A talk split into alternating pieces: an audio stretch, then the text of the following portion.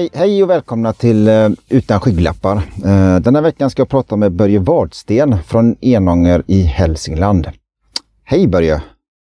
Hej! Hallå, hur står det till idag? Tack, det är bra. Jag sitter på verandan här och fikar i solen och har ett väldigt bra för dagen. Ja du, det, det här har vi gärna längtat efter. Ja, verkligen. Ja. Eh, det är så här det ska vara när det blir Elitloppet om en, en och en halv vecka, två veckor. Ja, precis. Flyttar ja. du tvn på verandan då eller? Nej, det gör jag väl inte. Jag, jag, jag har två tv-apparater så jag kan välja vem, vem jag ska titta på. Men eh, nej, jag, jag tycker man ser... Man kommer in, inte in på stallbacken heller nu för tiden på Solvalla. Så att, annars har jag ju haft frikort där i flera år. Va? Så att, men nu är det hårt. Ja. Så att nu får jag titta på tv. Jag tycker man ser väldigt, de följer ju travet väldigt bra nu. Man får ju se eh, alla segerdefileringar och lopp, alla lopp bra och sådär. Så ja, nu, nu, är det ju, nu är det ju en kamera nästan i varje hörn. Ja, precis. Och det är ju, det är ju väldigt bra. Det har ju, media, eller berömma, media har ju eh, tagit tag i travet är väldigt bra va, mot vad det var förut. Ja. Jo, det... det, det tycker jag. Det, ehm, det, det, har ju blivit en, en mer tv-sport också över i och med att inte vi går så mycket på travet. Eh, så det är klart att den måste nog utvecklas och det finns ju många saker som man fortfarande kan utveckla men, men visst är det bra mycket bättre. Ja visst och så sen eh, det är ju synd om alla travbanor nu tack vare pandemin här, coronan här.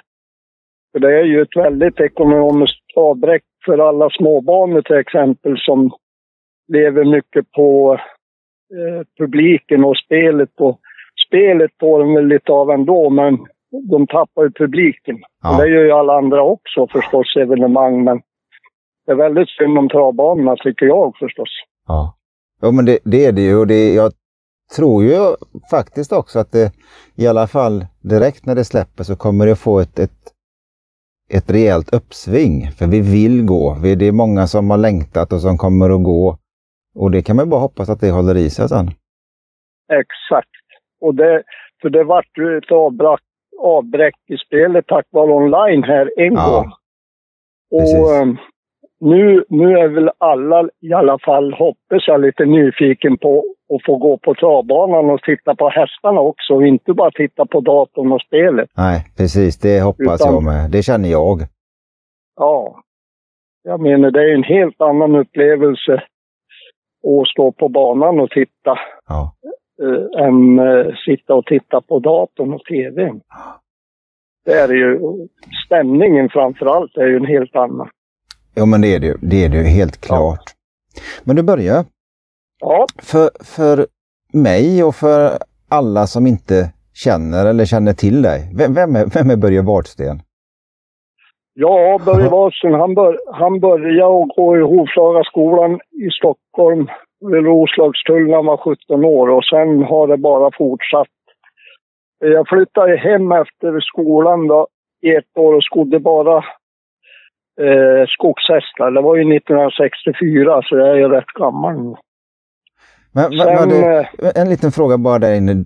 Bodde du i, i, Stockholm då eller flyttade du ner för den och varf, varför blev du hovslagare? Var, var liksom, var, hade, växte du upp med hästar där uppe i Hälsingland eller hur var det, vad var det som drev med hovslageriet? Ja, det var ju en eh, hovslagare som får runt där hemma i, i Söderhamn då. Ja. Ju och skodde arbetshästar. Och så frågade han mig, för han stod på ett ställe där de hade fyra hästar och han började på att bli lite trött. Och då sa han åt mig att du får ta av skorna på den här hästen. Du sa, då får jag vila lite. Ja. Aha. Och det gick väldigt bra. Och han sa det, du har anlag, sa han. Du ska in på, du ska in på veterinärskolan och lära dig sko. Okej. Okay. ja, och jag vägde 45 kilo kanske, var som en spindel. Och, och höll på med arbetshästar, vet du, ardenner och nordsvenskar och sånt här, brukshästar. Ja, det väger nästan en hov, 45 kilo. Ja, visst. Så att, men jag stretade på där vet du, och det gick väldigt bra. Så jag var med han ett halvår då. Okej. Och eh, han får runt skodde hästar. Bara arbetshästar, inte en lätt häst Hä? skodd utan det var bara grov, grova skogshästar. Och sen eh, sa han, nu har jag sökt in på skolan åt dig, sa han. Nej, Jaha, vad häftigt. ja visst fasen. Och så fick jag lära mig först, eh, första ja, tiden lite grann. Han hade ju en smedja där i Söderhamn som Ja, han visade mig hur man smidde skor och allt möjligt. Så här. Så jag började med det också innan jag kom in på skolan. Då. ja. Och mycket, han var duktig. Han var mycket snäll och duktig och bra på alla vis. Kör, körde han även, var det även varmskoning i det läget? Ja, det var... Vi smidde alla skor Ja, och, och i, i hans smedja där. Och eh, det, var ju, det var bara varmskoning. det var bara Och en varmskoning? timme. Ja. Ja, det var så tjockt material alltså så det gick inte att kallrikta några skor Okej, nej just till dem inte. Utan det var ju eh, järn, plattjärn som vi började med som var 12 gånger 45. 12 millimeter tjockt och 45 brett. Och det kallrikte man inte, det kan jag tala om. och så gjorde vi, jag fick ju böja då och göra fals och sömhål och och nu spikar man ju ofta travhästar med E3, heter sömmen. Ja, Och vi spikar med J, J9. Det, det är ungefär som du tar en nubb mot en 7 spik. va? Det är den skillnaden. ja. Så att så började det och sen eh, jag hade gått på skolan, då ringde de efter ett år. Faktiskt var jag hemma och, skodde själv då bara arbetshästar. ja, Skogshästar. Jag körde så mycket med häst då. ja, Det här var sex- 64, 65. ja. Och eh, då eh, ringde de från skolan efter ett år och sa att eh, de ville ha en semestervikarie. Ja, Ja, jag antog det direkt naturligtvis. Och så fick jag bo på skolan. hade jag ett rum där uppe på skolan då. Så jag bodde, och så var smedjan inunder. Så att det var bara en trappa ner så var jag i smedjan och så skodde vi ju mycket privathästar där. Åt polisen skodde vi, Frilandpolisen skodde vi och sen var det ju mycket andra hästar som de här som var etablerade och var ute och skodde själv. Lite dumma hästar som fick skor förstås. ja, Ja. Och, och den, sen vart jag ju anställd då. Efter det. Så jag jobbade ju på skolan då i, ja vad var det, det vara två, tre, två år kanske. Så vart jag eh, förflyttad till filialen på Solvalla. okej. Jag hade ju, skolan hade en smedja på Solvalla och Ja. där var det två hovslagare. Och två duktiga hovslagare. Otroligt duktiga var.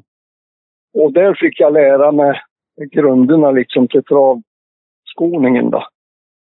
Så, så, och, du, eh, så du hade aldrig, trots att du liksom bodde i Hälsingland med, där man, det är nästan svårt att undvika en travare, har förstått det, så, så började du inte sko travare och, och jobba med den förrän du kom in på Solvalla? Ja, precis. Det var nog första travhästarna jag skodde. Det var nog i Stockholm. Så Okej. Jag skodde inga travhästar här hemma. Nej? Utan det var... eh, Då gick jag ju med en som heter Ture Svedberg. Han var sanslöst duktig. Alltså det är min idol fortfarande fast han inte lever. Nej? Nej?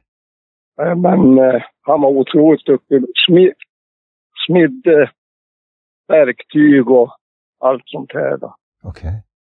Till, eh, som använde till hovslageri. Ja. Och det är inte bara, det får man inte peta sig i näsan och mycket vet när man håller på och smider verktyg. Utan det, det var att hålla i grejerna och veta hur man skulle göra. ja. Eh, och sen hade vi elever då på skolan som fick... eh, Ja, de bodde ju också på skolan så de fick ju tre veckor på Solvalla och så resten av tiden, fyra månader, gick de på skolan då. Ja. Intensivt var det ju. Ja. Nu är det ju två år i Skara. Ja. Så det är väl kanske... Ja, och då får ni ta eh, de här breven Ja. Nu på en gång. Då när jag gick, då skulle man ju ha skott, först gått skolan fyra månader intensivt. Sen skulle man ha varit ute och skott i sex år innan man fick ta gesäll, göra gesällprov och mästarbrev. Då. Så det vart ju inte, för då var man ju i full gång. Ja. Då hade man inte tid med sånt heller. Sen, eh, ja, jag kommer inte ihåg hur jag var. Jag fick i skon några bra hästar som startade i Elitloppen och det här då. Och så- redan, fick du det redan direkt på, på den tiden? Alltså under tiden du var på skolan? Ja, då- då var jag anställd på skolan fortfarande. Så Ja. då skodde jag åt någon italienare och någon... Det var någon tysk och något sånt här som tyckte jag skodde bra. Jag var ju Ja. noga. Ja. som tusan. För det hade ju här Svedberg lärt mig. Ta hellre tid på det och vara noga som det känner på. Ja. Och eh, det gjorde jag ju. Och eh, efter det så började jag, började Håkan Wallner och Bernt Lindstedt som toppar. De var ju första som blev ett toppar. De jobbade ihop då. Ja, precis. Och då eh, var det en kille som jag gick i Hovslagaskolan med som hette Sven-Arne Österblom. Han var tränare och sen som eh, rekommenderade mig som anställa mig som hovslagare för då hade de utvecklat sitt travverksamhet bra. Och eh, hyrde av Simon Bonnier i, på Bisslinge, i Rotebro. Ja. Och där hade vi mycket hästar. Vi hade ju tre stall där faktiskt. Och så var det ju 25 hästar. Man fick bara ha 25 på Solvalla, så jag hade ju fullt där också. Och jag vill minnas att jag hade nog en 70 hästar minst. Eh, där på gården på Bonniers gård. då. Och det, det räckte ju till för en ensam hovslagare alltså att fara runt och sko, bara... Jag bodde ute på Bisslinge. Ja. Så där var det ju nära att bara gå ner till stallen någon kväll sen när man låg efter på skolningen då och fortsätta. Men du vet, det var bara att hänga i. Det. Och man var ju så kopiöst inte... Det var bara hovar i huvudet på mig. Ja, jag var ju nörd vet du. Så att jag stod och skodde mycket på kvällarna så där och funderade och pratade med pojkarna som var drängar då. ja.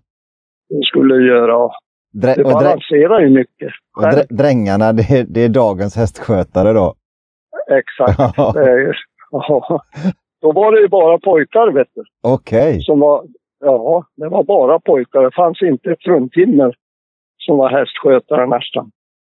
Mm. Så att eh, vi var ju, jag vill minnas att det var nog en 12-13 stycken som bodde där ute på Bisslinge. Ja. Och ja, vi var ju otroligt sammansvetsade. Alltså, det var ju bara att det skulle gå bra för stallet. Ja. Det hade vi gemensamt allihop. Och det gjorde det ju. Det var ju först på Solvalla som körde in över en miljon. Ja. Vi slog ju av Sören Nordin och det var inte illa gjort. Nej. Eh, Han var ju kung vet du, och Ja. Sören Gösta Gunnar. Men, men eh, vi var först att köra in över en miljon. Och jag ska ta en grej. Jag kommer inte ihåg vart vi var. Det var ju lite överallt. Halmstad och Malmö och överallt och starta va. Och då stod det i, det har jag urklipp kvar på. Wallner och Lindstedt körde in otroliga 38 000 kronor under påskhelgen. Det var då det du. Va? Det är fan inte... Det är en matlapp idag. Precis. Otroliga 38. Du kan ju tänka dig vad vi tjänar. Ja, precis. Jag var bäst betald, betald vet du, eh, och fick ut 250 kronor i veckan. Ja. Men då ska du veta, då tankar man ju bilen för 75 öre liter. Ja, precis. Det, Ja. Det, det har ju tyvärr kanske har ju priserna stigit mer ändå än vad löner och allting har gjort. Men ja, det är sanslöst Då- alltså.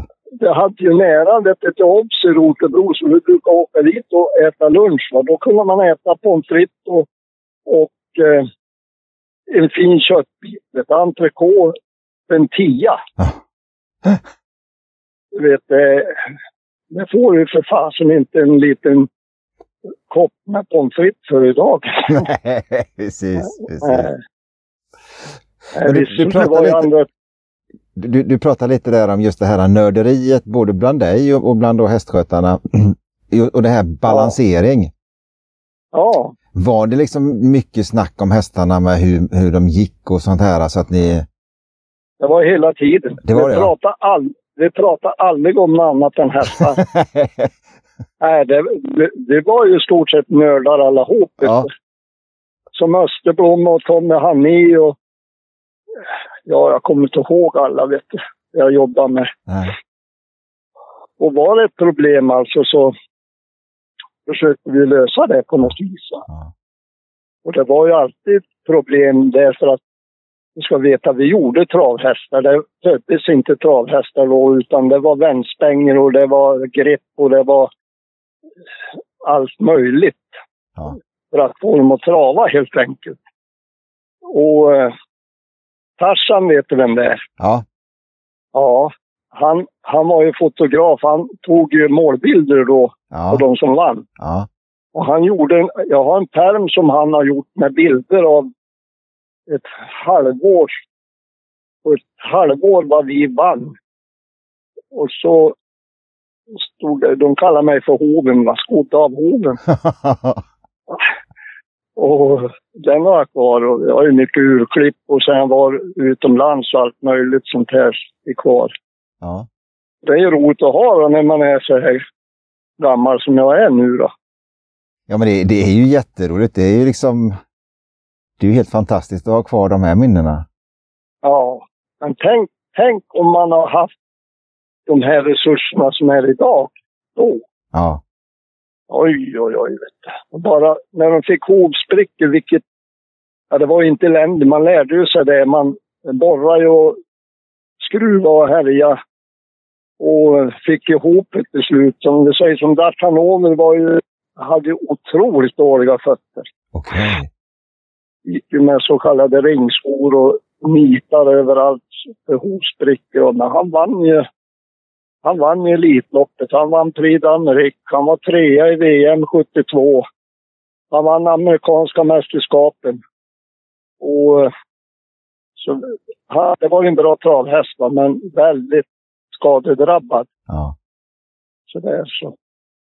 Men det var roligt att lösa problemen.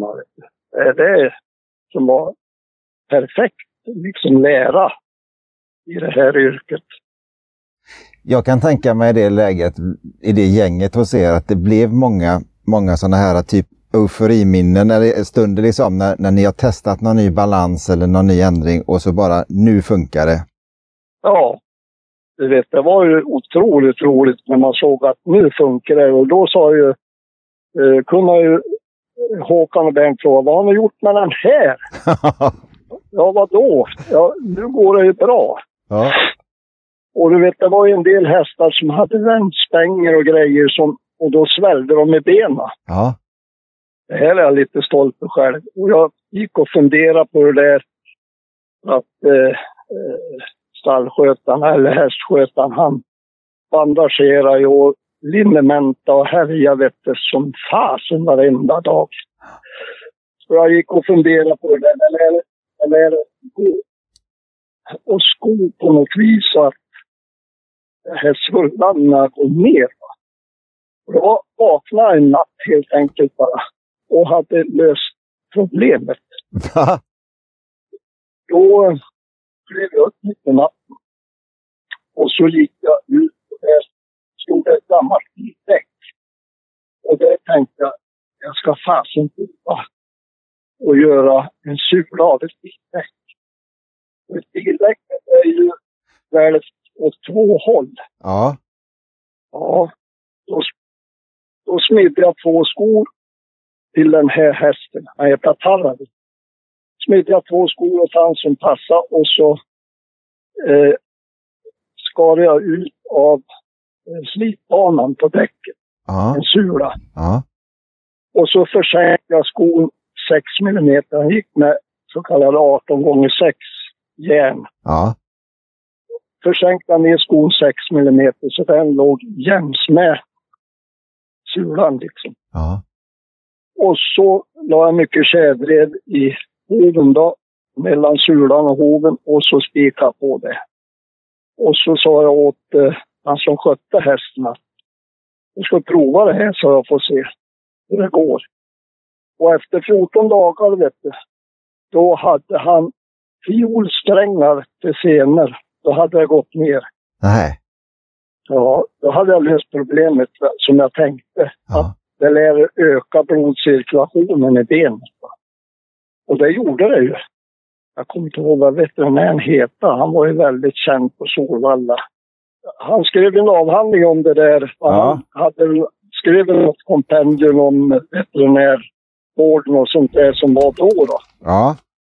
Och eh, sen började det så här att eh, Håkan och Bernt hade ju diskussion ja, minst en gång i månaden om eh, hur varje häst mådde.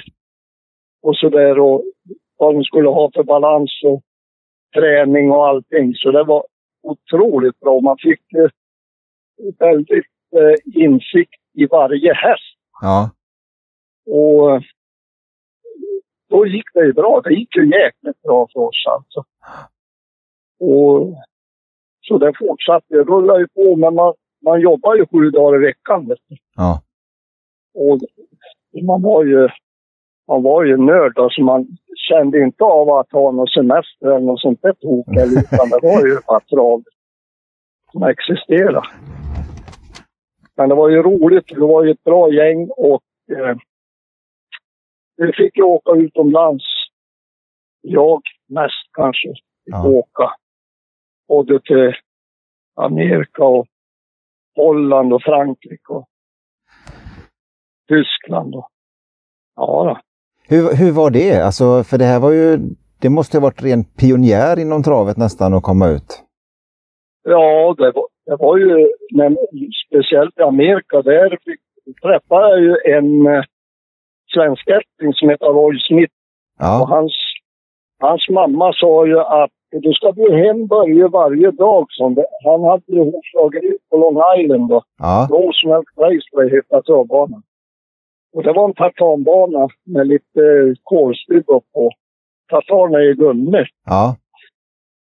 Det var lite kolstypp på den där då, så de pasade lite grann. Eh, så han bjöd hem mig varje kväll på middag. Okej.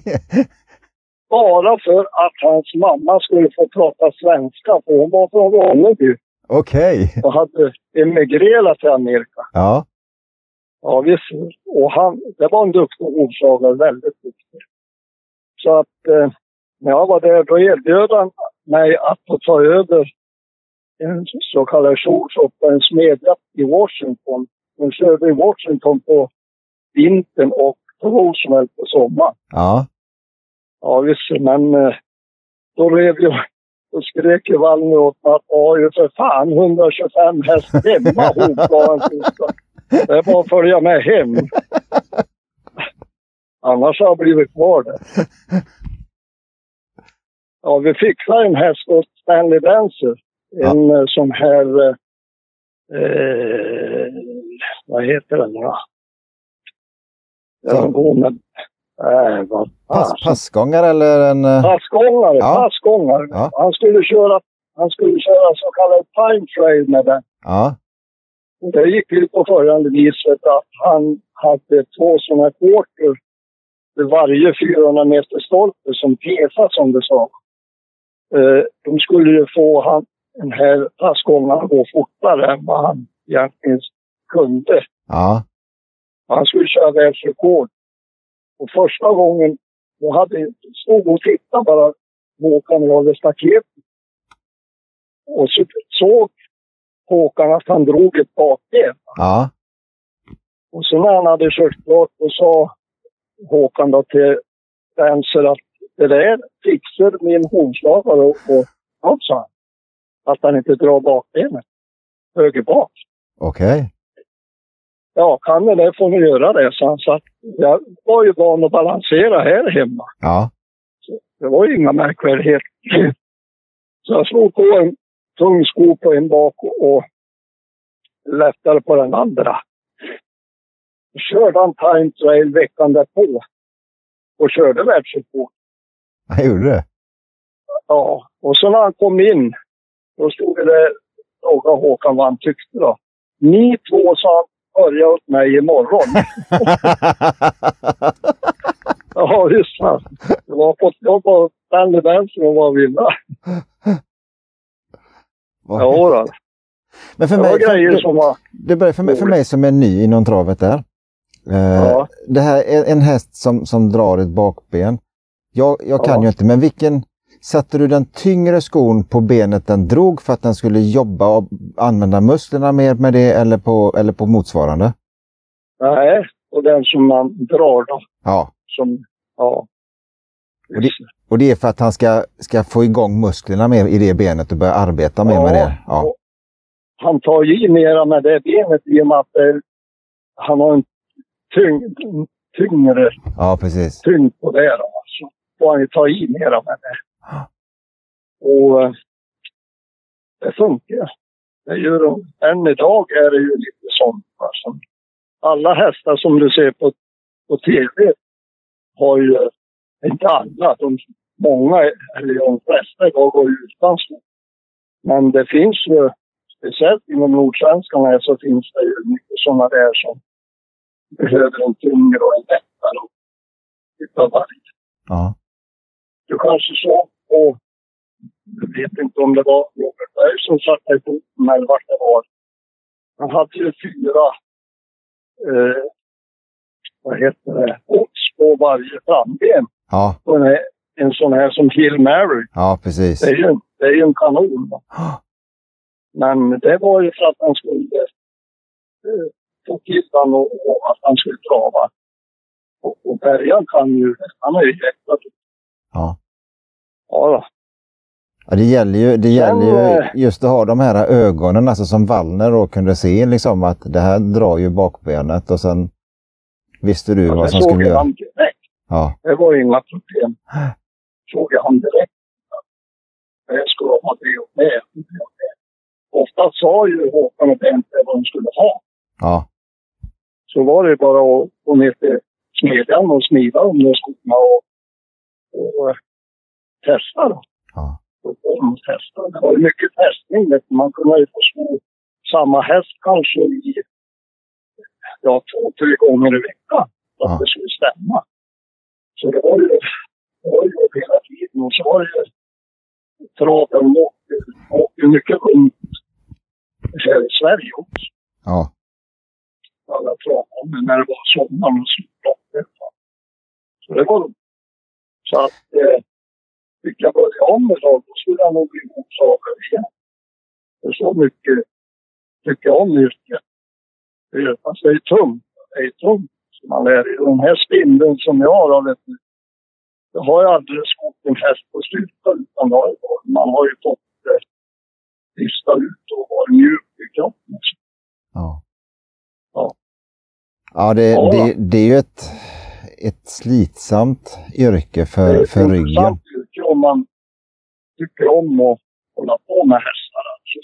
Ja, Men jag bryr mig inte i och för sig vad de ser, utselingar och käkar och sånt där. Utan det är drängarna som säger ja. Utan jag koncentrerar ju- det är ju lika idag om jag går på trav. Det första jag tittar på det är ju bovarna. det är det ja. Ja, det är jämt alltså. Men, men har, du, har, du, har du lärt dig att kunna se ögonen, den här biten med att kunna också se att, att, att den drar ett ben eller där behöver du slänga på jag dem? Jag ser, jag ser åt veterinären ibland på hovdjuren Ja, när de är ute och värmer. Det är då man ska titta. ja, Då är det nu inte varm i kroppen utan de sitter och värmer en, en och två hit för att de ska mjukna. Ja, precis. Och då ser man ju hur de är. Då är de ju inte riktigt schyssta alltså, när de drar ett ben eller slår sig. Utan egentligen skulle de inte starta något sånt. Jag brukar tala om för veterinären, har du tittat på Fia? Ja, den är inte riktigt schysst. Nej. Men eh, nästa värmning då, då kan han ju gå bättre. Ja. Då får han ju starta ändå. Ja. Men idag finns det inga genvägar alltså. Utan idag så är alla hästar jävligt. De går väl för fort nästan. Det- För det, ja, att lederna och ligamenten ska hålla. Men eh, det är ju inte så många hästar idag som är 10-11 år som startar. Utan det är ju eh, ja, från två upp till fem, sex år. Det är ju en bra. Så det är det. Ja, det, det är klart att farten är ju en enorm faktor i det här. Jo, jag gick i Skogshögskolan då efter avslutad sjuan då. Ja, Och sen vart det ju mycket hästar. Och sen när jag slutade på Solvalla, då gick jag förmansutbildning i Ljusdal i skogen då, ja, skogsförman. Så då jobbade jag åt Skogsvårdsstyrelsen här i Hudiksvall i 10, ja 12 år. okej. Och då hade jag beredskapslag som det heter. Det var ju folk som inte fick jobb. Utan fick jobbträna i skogen. Då. Ja, just det.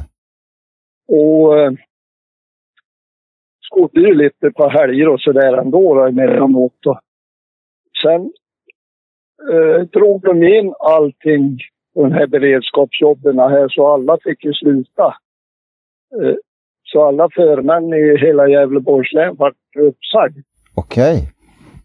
Och då eh, vart det så här att då frågade jag om, om, om man skulle göra efter det här då. Och då sa jag ja, då börjar jag sko igen, sa jag.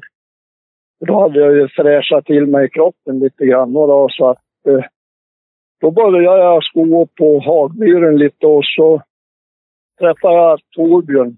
Han jobbade ju som dräng då ett tag på Bisslinge, Okej. Torbjörn Jansson. Ja. Då skodde jag tre dagar i veckan åt han och så två på Hagmyren. Okej. Ja. Och det var ju, det var ju en höjdare sko Torbjörn också för han, han eh, hade ju bra hästar, mycket hästar, 75 hästar han hade då. Jag började åt han och eh, så då bodde jag där i ett rum hos Torbjörn i, i eh, ja, onsdag, torsdag, fredag bodde jag han. Ja. Och det var ju... Eh, han var ju... han var ju... Han är ju duktig att sko själv och eh, vi pratar ju mycket och vi har ju samma intressen. Det är ju travet och jakt och sådär då, så att... Eh, det är ju en kanonkompis. Ja. Mycket, mycket bra kille. Jag lider idag att de inte tar vara på hans körkunskaper för han är ju väldigt duktig att köra och får ju köra ja, inte, inte dåliga hästar, men vi säger om man räknar i procent då, så får han ju köra de här som har låga procent. 3 och 1 och 0 och här procent. Låga procenthästar, om man säger det. Och han, eh, han vinner ju med någon ändå alltså Ja. är ju vaken och duktig att köra. Men ungdomarna får ju köra bättre hästar nu då. Det är väl okej naturligtvis. Det är det ju. Eh, Det, det ska ju, ungdomarna ska ju fram. Det är ju bara det. Det, lär- det lär ju finnas eh, folk som tar över det här efter oss, så att säga. Ja, det är klart. Det är någon, någon, någon gång hamnar man ju i ett generationsskifte. Absolut. Och Så är ju-. Och det har ju visat sig att eh, tjejerna här som kör och är hästskötare, de är otroligt duktiga. Ja. Väldigt duktiga tjejer. Som Nej. Jan-Olof Persson, han har ju bara tjejer anställd som hästskötare och de är ju suverän. De är suverän allihop. När, när, när kom skiftet ifrån att bara vara killar som eh, hästskötare med att tjejerna kom in? Det kom väl någon då och då så här som började och sen vart det ju mer och mer. Nu är det ju stort sett ingen grabb som är hästskötare. Ja, det finns väl några naturligtvis som ämnar bli tränare och så här Ja. vad det lider. Men eh, ja, jag kan inte säga direkt. Nej. Det vart, det vart ju inte så över en natt, utan det vart ju undan för undan. ja, just det. kom det väl mera flickor in då. Och de var ju, de är ju så duktiga med hästarna, alltså sköta. Ja, Det är ju, de är ju lenare än vad pojkar är egentligen. Så att de, det är ju ofta de har väldigt hand med häst. Så de är duktiga. Det skulle jag varit lite mera då när jag höll på som värst också naturligtvis. Det var bara grabbar. då. Ja, det är konstigt att det var det, för jag menar häst har ju egentligen, vad jag vet i alla tider, varit, varit tjejer. Ja, Så att, Ja, eh, det är klart. Vis- På vissa travbanor kanske det var någon eh, jänta som var, ja, kom på helger och sådär och grabbarna skulle ha ledigt då och bytt av. Och det, där. Det var ju inte utpräglat nej. Utan det var ju, det var ju en grabbsport helt enkelt. Ja. Det var ett grabbjobb. Ja då. Yes, men liksom Torbjörn Jansson och du var på Hag Hagmyren, är du fortfarande kvar på en del eller? Ja, jag är ju... De ska ju ha en hovslagare varje tävlingsdag. Ja, Utifall det blir tappskor och däcksbyten och sånt där. Hjulbyten. Och sulkar går sönder och allt möjligt. Käkar och ryggstycken smäller. Och, då kommer de in i smedjan och så är det eh, de här eh, tjejerna som sköter stallbacken och eh, eh, ekipagekontrollanten som kommer som flygande ur kanoner och så hjälps de åt att byta det här. ja just det. Ja. Då stannar de med klockan vet du, och sen har man oftast fem minuter på sig. Men du, du, har liksom eh, aldrig, du har liksom aldrig under den här tiden, speciellt alltså när du har hanterat så många fina hästar, eh, fått känslan själv av att vilja köra? Att jag skulle köra? Ja, du har liksom aldrig fått den där att, att du vill själv kanske börja träna och, och ta upp utan... Eh, Det var så här, om jag ska gå tillbaka ännu längre. När jag var 14 år, då jobbade jag åt Vilhelmina skogen heter han, uppe i, på Bergsåkers travbana. ja, eller hur, hur. Och så hade han ju travhästar. Och då, sen, jag vet inte hur det kom sig, men jag kom ner i alla fall på travbanan och jobbade åt Hans i skogen. Och då var det ju såna här eh, eh, amatör, eller amatör, det var ju dränglopp. ja, Ja. Och då körde jag tre lopp och då insåg jag att det var tre lopp för mycket. Jag var ingen höjdare. okej. Nej, så jag gick över direkt på hovar då. då. Ja, Och sen var det Utslagaskolan. Ja då. Jag började där uppe egentligen. Han hade, han hade 10-12 travhästar då när jag började där och hade jordbruk och sådär. Så han hade ju kor. Det var ju fullt jobb. ja. Ja. Eh, Så det var väl där. Så, så du, du, du, kände, du kände din begränsning där direkt och, och, och såg Ja, att det är det inte var- det jag har min talang? Ja, nej, jag hade ingen körhand. Det var inte att tänka på. Nej. Utan det, det fick eh, andra göra. Redan då när jag var bara 14-15 år, vet du, då började jag titta på eh, hovslagaren som kom dit. Jag var tvärintresserad på det. Det var det redan, redan direkt? Ja. Att det var, det var från första stundet så var det hovar jag var intresserad. Var. Och på den vägen är det.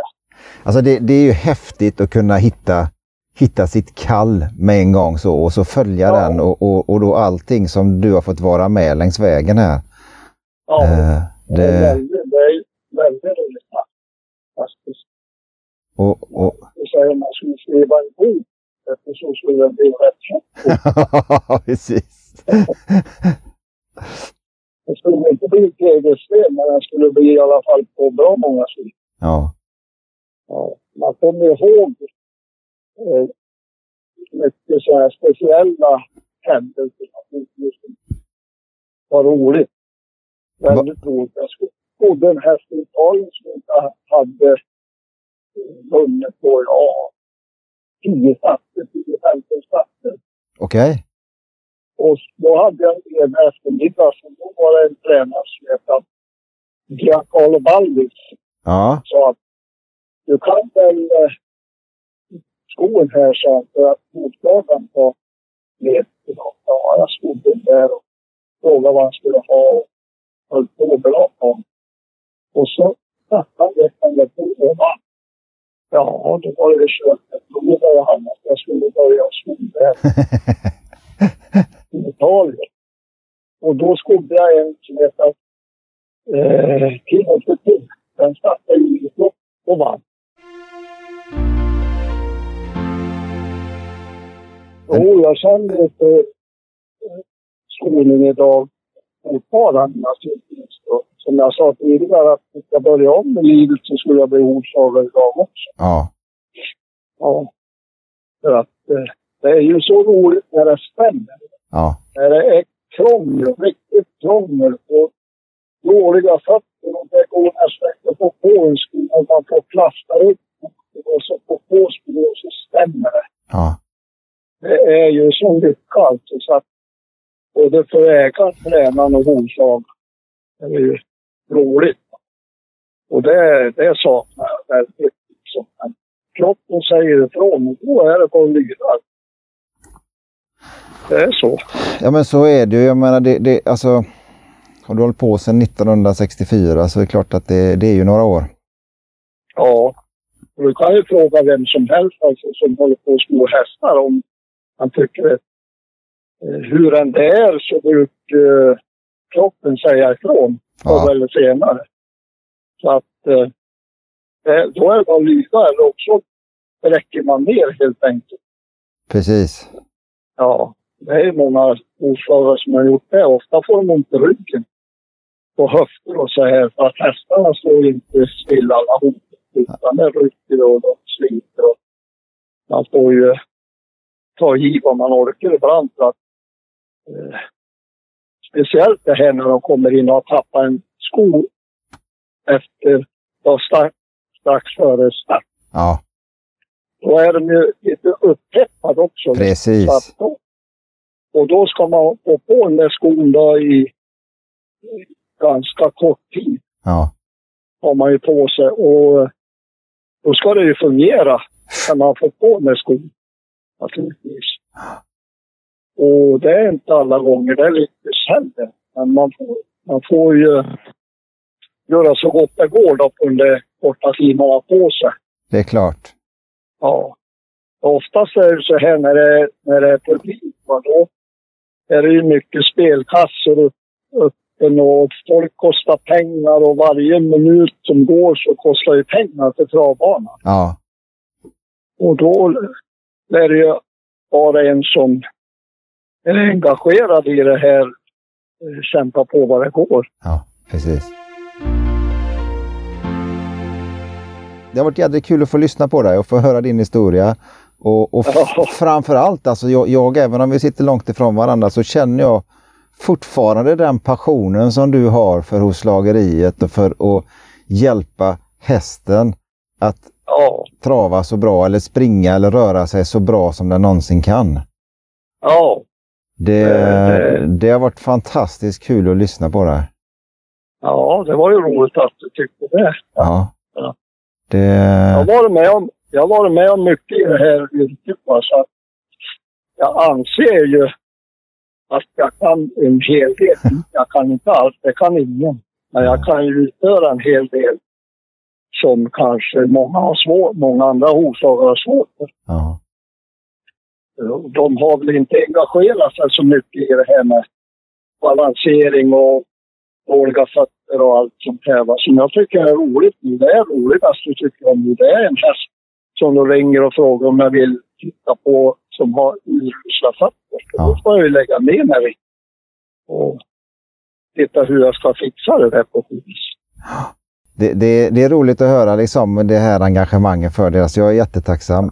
Det har varit jättekul Börje. Jag tackar så jättemycket och eh, hoppas att fortsättningen på dagen blir lika bra som det har börjat.